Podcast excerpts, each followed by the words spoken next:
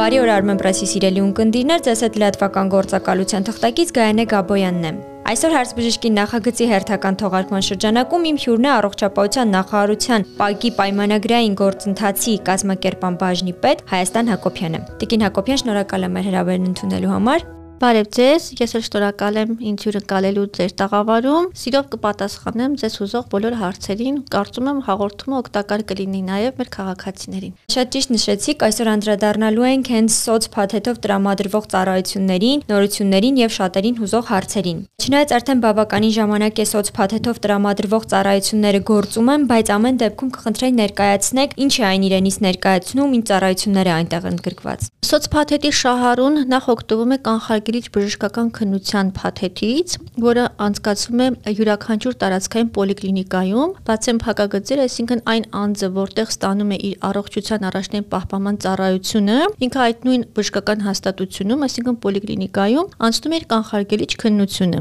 որից հետո ակտիվանում է նրա լրացուցիչ փաթեթը, այսինքն այն 72000 դրամը, որը ինքը կարող է օգտագործել մոտավորապես 5-6 ուղություններով, եւ բացի այդ, եթե քաղաքացին ունի նաեւ անհրաժեշտություն հիվանդ հիվանդանոցային բուժօգնության, նաև 375 կառավարության որոշումը կա 2014 թվականի, որտեղ հստակ նշված են հիվանդանոցային այն ծառայությունների ցանկը եւ փաթեթը, որ սոցփաթեթի շահառուն կարող է օգտվել։ Ասեմ, որ դա համարվում է բազային փաթեթ, ինչու համար եմ նշում, որովհետեւ 1691 կառավարության որոշումը, որտեղ սահմանվում է սոցփաթեթի հետ կապված հարաբերությունների ընդհանուր նկարագիրը, այնտեղ այդ մասին խոսում է բազային փաթեթ, դրա համար նշում են, որ հասկանալի լինի, որ 375-ով արդեն բացված է այդ բազային փաթեթ ասվածը, ինչը իր մեջ ներառում։ Այսպես կարող եմ ասել, հիվանդանոցային գրեթե ամբողջ ծառայությունների ծածկույթը ընդգրկում է սոցփաթեթի շահառուին, այսպես ասած, բուժօգնության մատուցման այդ ծառայությունները այնտեղ բացառություններ իհարկե կան, բայց բացառություններն էլ որոշման մեջ նշված են։ Շատ լավ, դուք նշեցիք, որ տարբեր ուղություններով հնարավոր է այն օգտագործել, բայց շատերին է այսօր հետաքրքրում, արդյոք ընտանիքի անդամները կարող են օգտվել սոցփաթեթից, այսինքն օգտվել որոշակի բուժ ծառայություններից եւ հանգստի գնալու հնարավորությունից։ Ուրեմն 1691 կառավարության որոշմամբ, որը 2012 թվականի է, այնտեղ այդ ուղությունները հստակ նշված են եւ այդ 6 ուղություններից ընդամենը մեկն է, որ միայն սոցփաթեթ փաթեթի շահառուն իրավունք ունի օգտվել, դա բժշկական լրացուցիչ ծառայությունների մասին է խոսքը եւ բազային ծառայության մասին է խոսքը։ Մնացած հանգստի իրավունքից, ուսման վարձի վճարից, հիպոթեկային տոկոսների վճարումից, առողջարանային սպա կենտրոններից օգտվելու իրավունքից այս ծառայություններից կարող է օգտվել նաեւ ընտանիքի անմիջական անդամը։ Ընդ որում ընտանիքի անմիջական անդամ հասկանում ենք ծնող, զավակ, քույր, եղբայր, եթե համատեղությամբ է ապրում, պապ, տատ, թոռ Մենք սա ենք հասկանում։ Այսինքն նորից եմ ուզում ամփոփել միտքս հանգստի իրավունքից, հիպոթեկային տոկոսների վճարման իրավունքից, ուսման վարձից, սպա կենտրոններից կարող են օգտվել նաև ընտանիքի անդամները, իսկ առողջապահական փաթեթից եւ բազային եւ լրացուցիչ փաթեթից բացառապես օգտվում է միայն սոցփաթեթի շահառուն։ Շատ լավ, Տիկին Հակոբյան, վերջերս փոփոխություն իրականացվեց եւ սոցփաթեթով տրամադրվող հանգստի գումարով հնարավոր եղավ որոշակի այլ բժշկական ծառայ ծառայություններ իրականացնել։ Կխնդրեմ այդ մասով մանրամասնել։ Մեծ սիրով լրացուցիչ փաթեթից, այսինքն այդ ստոմատոլոգիական ծառայություններից կարող է օգտվել նորից եմ կրկնում միայն սոցփաթեթի շահառուն իր հանգստի կամ կൂട്ടակված հանգստի գումարների շրջանակներում։ Առողջապահության նախարարը հաստատել է ցանկ եւ այդ ցանկը անընդհատ թարմանում է համապատասխան կազմակերպությունների իրավաբանական անձանց կողմից, եթե ցանկություն կա այդ ցանկում համալրվելու եւ ծառայություններ մատուցելու սոցփաթեթի հաթետի շահառուներին ստոմ ծառայությունների մասով։ Սա իրենից ենթադրում է ստոմատոլոգիական ծառայություններ թերապևտիկ եւ իրաբուժական պրոֆիլի եւ շահառուն իր կուտակած գումարների շրջանակում, այսինքն ինչքան գումար ունի իր հաշվին, կարող է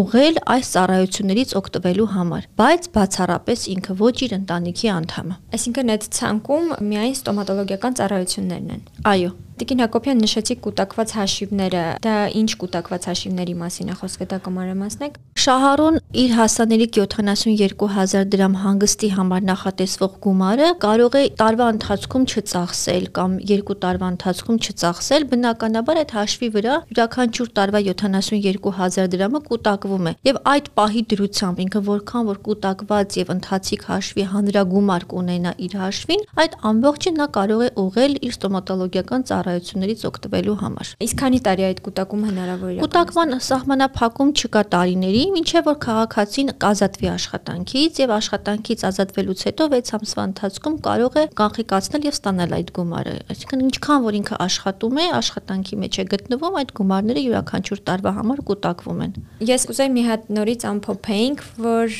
եթե բուժառույն անհրաժեշտ է ոչ պարտադիր բուժզնումներից դուրս որոշակի հետազոտություններ անցնել, այս դեպքում էլ կարող է չէ դիմել իր ապավագրական ընկերություն, չէ որոշակի ցուցումով։ Տեսեք, շահառուն որպես բուժօգնության փաթեթ օգտվում է կանխարգելիչ բուժօգնությունից, դժվարամատչելի ախտորոշիչ հետազոտություններից, եթե հիվանդանոցային պայմաններում չի բուժում, ընդամենը 6 դժվարամատչելի հետազոտության տեսակից եւ հիվանդանոցային պայմաններում արդեն ինչ բուժօգնության գծով կարիք կունենա նա բուժօգնության։ Շատ լավ, մի կարևոր հարցել անդրադառնանք, արտահիվանդանոցային բուժման ինչ տեսակներ են մատուցվում սոցփաթեթի շահառուներին եւ ինչ պայմաններում։ Արտահիվանդանոցային պայմաններում սոցփաթեթի շահառուներին մատուցվում են հետեւյալ ախտորոշիչ դժվարամատչելի հետազոտությունները մագնիսառեզոնանսային տոմոգրաֆիա, դա մեր իմացած MRT հետազոտությունն է, համակարգչային տոմոգրաֆիա, դա մեր իմացած CT հետազոտությունն է, ռադիոնուկլիդային ախտորոշման հետազոտություններ, հոլտեր մոնիտորինգ,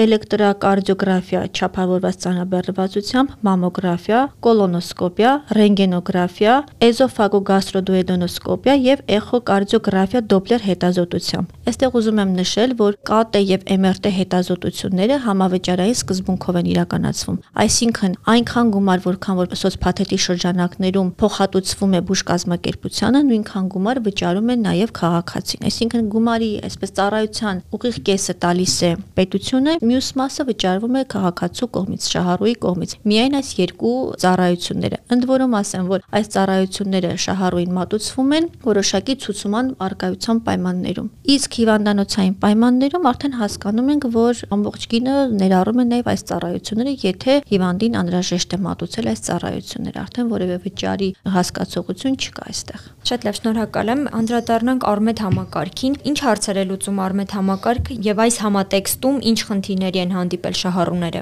Մենք այս տրամաբանության տակ բավականին զանգեր ենք ստացել, դե երևի թե արդեն տեղյակ եք, որ մենք Արմեդին անցումը կատարել ենք 2023 թվականի հունվարի 1-ից, մինչ այդ գործել է Էկենք համակարգը, որը on-line տեղեկատվություն կամ on-line հաշվառում չի իրականացրել, այսինքն գործատուն ինքը որոշակի ժամանակահատվածներով իր գրառումները կատարում էր եւ այդ բազայի հետ, այդ շտեմարանի հետ աշխատանքը, այսպես ասած, որ ժամանակ առ ժամանակ էր տեղի ունենում։ Իսկ Armet էլեկտրոնային համակարգում աշխատանքը կատարվում է յուրաքանչյուր պահի եւ այն հնարավորություն է տալիս, որ ցանկացած պահի, երբ շահառուն ընդունվում է աշխատանքի եւ ազատվում է աշխատանքից, առանց որևէ դաթարի կամ առանց որևէ օրերի, այսպես ասած, կորստի, նա անմիջապես դառնում է շահառու կամ դուրս է գալիս համակարգից։ Համակարգը աշխատում է պեկի հետ միացված սինխրոն տարբերակով, այսինքն անմիջապես պեկից գեներացնում է տվյալ աշխատողի վերաբերյալ տվյալները եւ շահառուի ընդունվելու եւ ազատվելու ամսաթվից կախված կատարվում է իր, այսպես ասած, գործողությունները։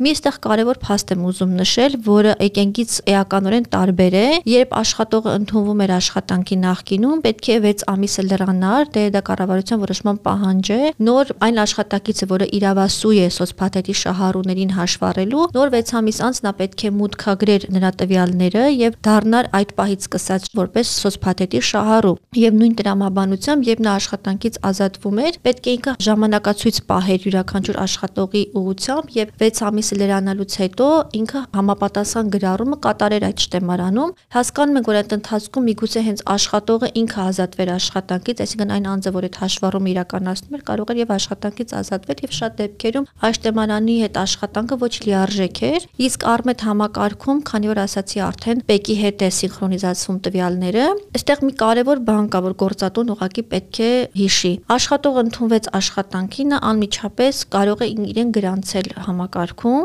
պարզապես համակարգը իրեն միևնույն է 6 ամիս հետո է դարձնելու շահառու, այսինքն իր ամսաթվին ծրագիրը ավտոմատ կգում կգումարի ինքն իրեն կգումարի 6 ամիսը եւ 6 ամիս հետո նոր իրեն կդարձնի շահառու։ Իսկ աշխատանքից ազատվելու պարագայում գործատուն հարկ չունի, որ այդ թրշնանշան ասվածը ինքը համակարգից հեռացնի, որովհետեւ համակարգը ինքը 6 ամիսը լրանալուց հետո ինքը ավտոմատ այդ անձին, այսպես ասած, դուրս է բերում համակարգից։ Մի կարևոր փաստ եմ ուզում նշել, որ ինչու անհրաժեշտ չէ, որ գործատուն թշնանշանը հանի, որովհետեւ մենք որոշման մեջ այսպեսի նաեւ կետ ունենք, որ եթե մարդը ազատվում է եւ ընդունվում է աշխատանքի 1 ամսվա կտրվածքով, նա ավտոմատ շարունակում է իր սոցփաթեթի կարգավիճակը։ Եվ եթե հանկարծ նախքին գործատուն այդ թշնանշանը հանում է, այսինքն մտածում է, որ աշխատողը աշխատանքից ազատվել է 6 ամիս լրացել է եւ ես պետք է հանեմ, դրա պատճառով մյուս աշխատատեղում նա էլ չի համարվում շահառու, պետք է 6 ամիս սպասի նոր դառնա շահառու։ Իհարկե, այս մասով էլ բավականին զանգեր ենք ստանում։ Մեր միջամտությամբ գործատուների հետ կապեր հաստատելով կարողանում ենք բացատրել եւ ասել, որ այդ շնանշանը պետք է պարտադիր դրվի, որպեսզի մեխանիկորեն այդ շարունակությունը տեղի ունենա, բայց եթե գործատուները հիմա ինձ լսում են,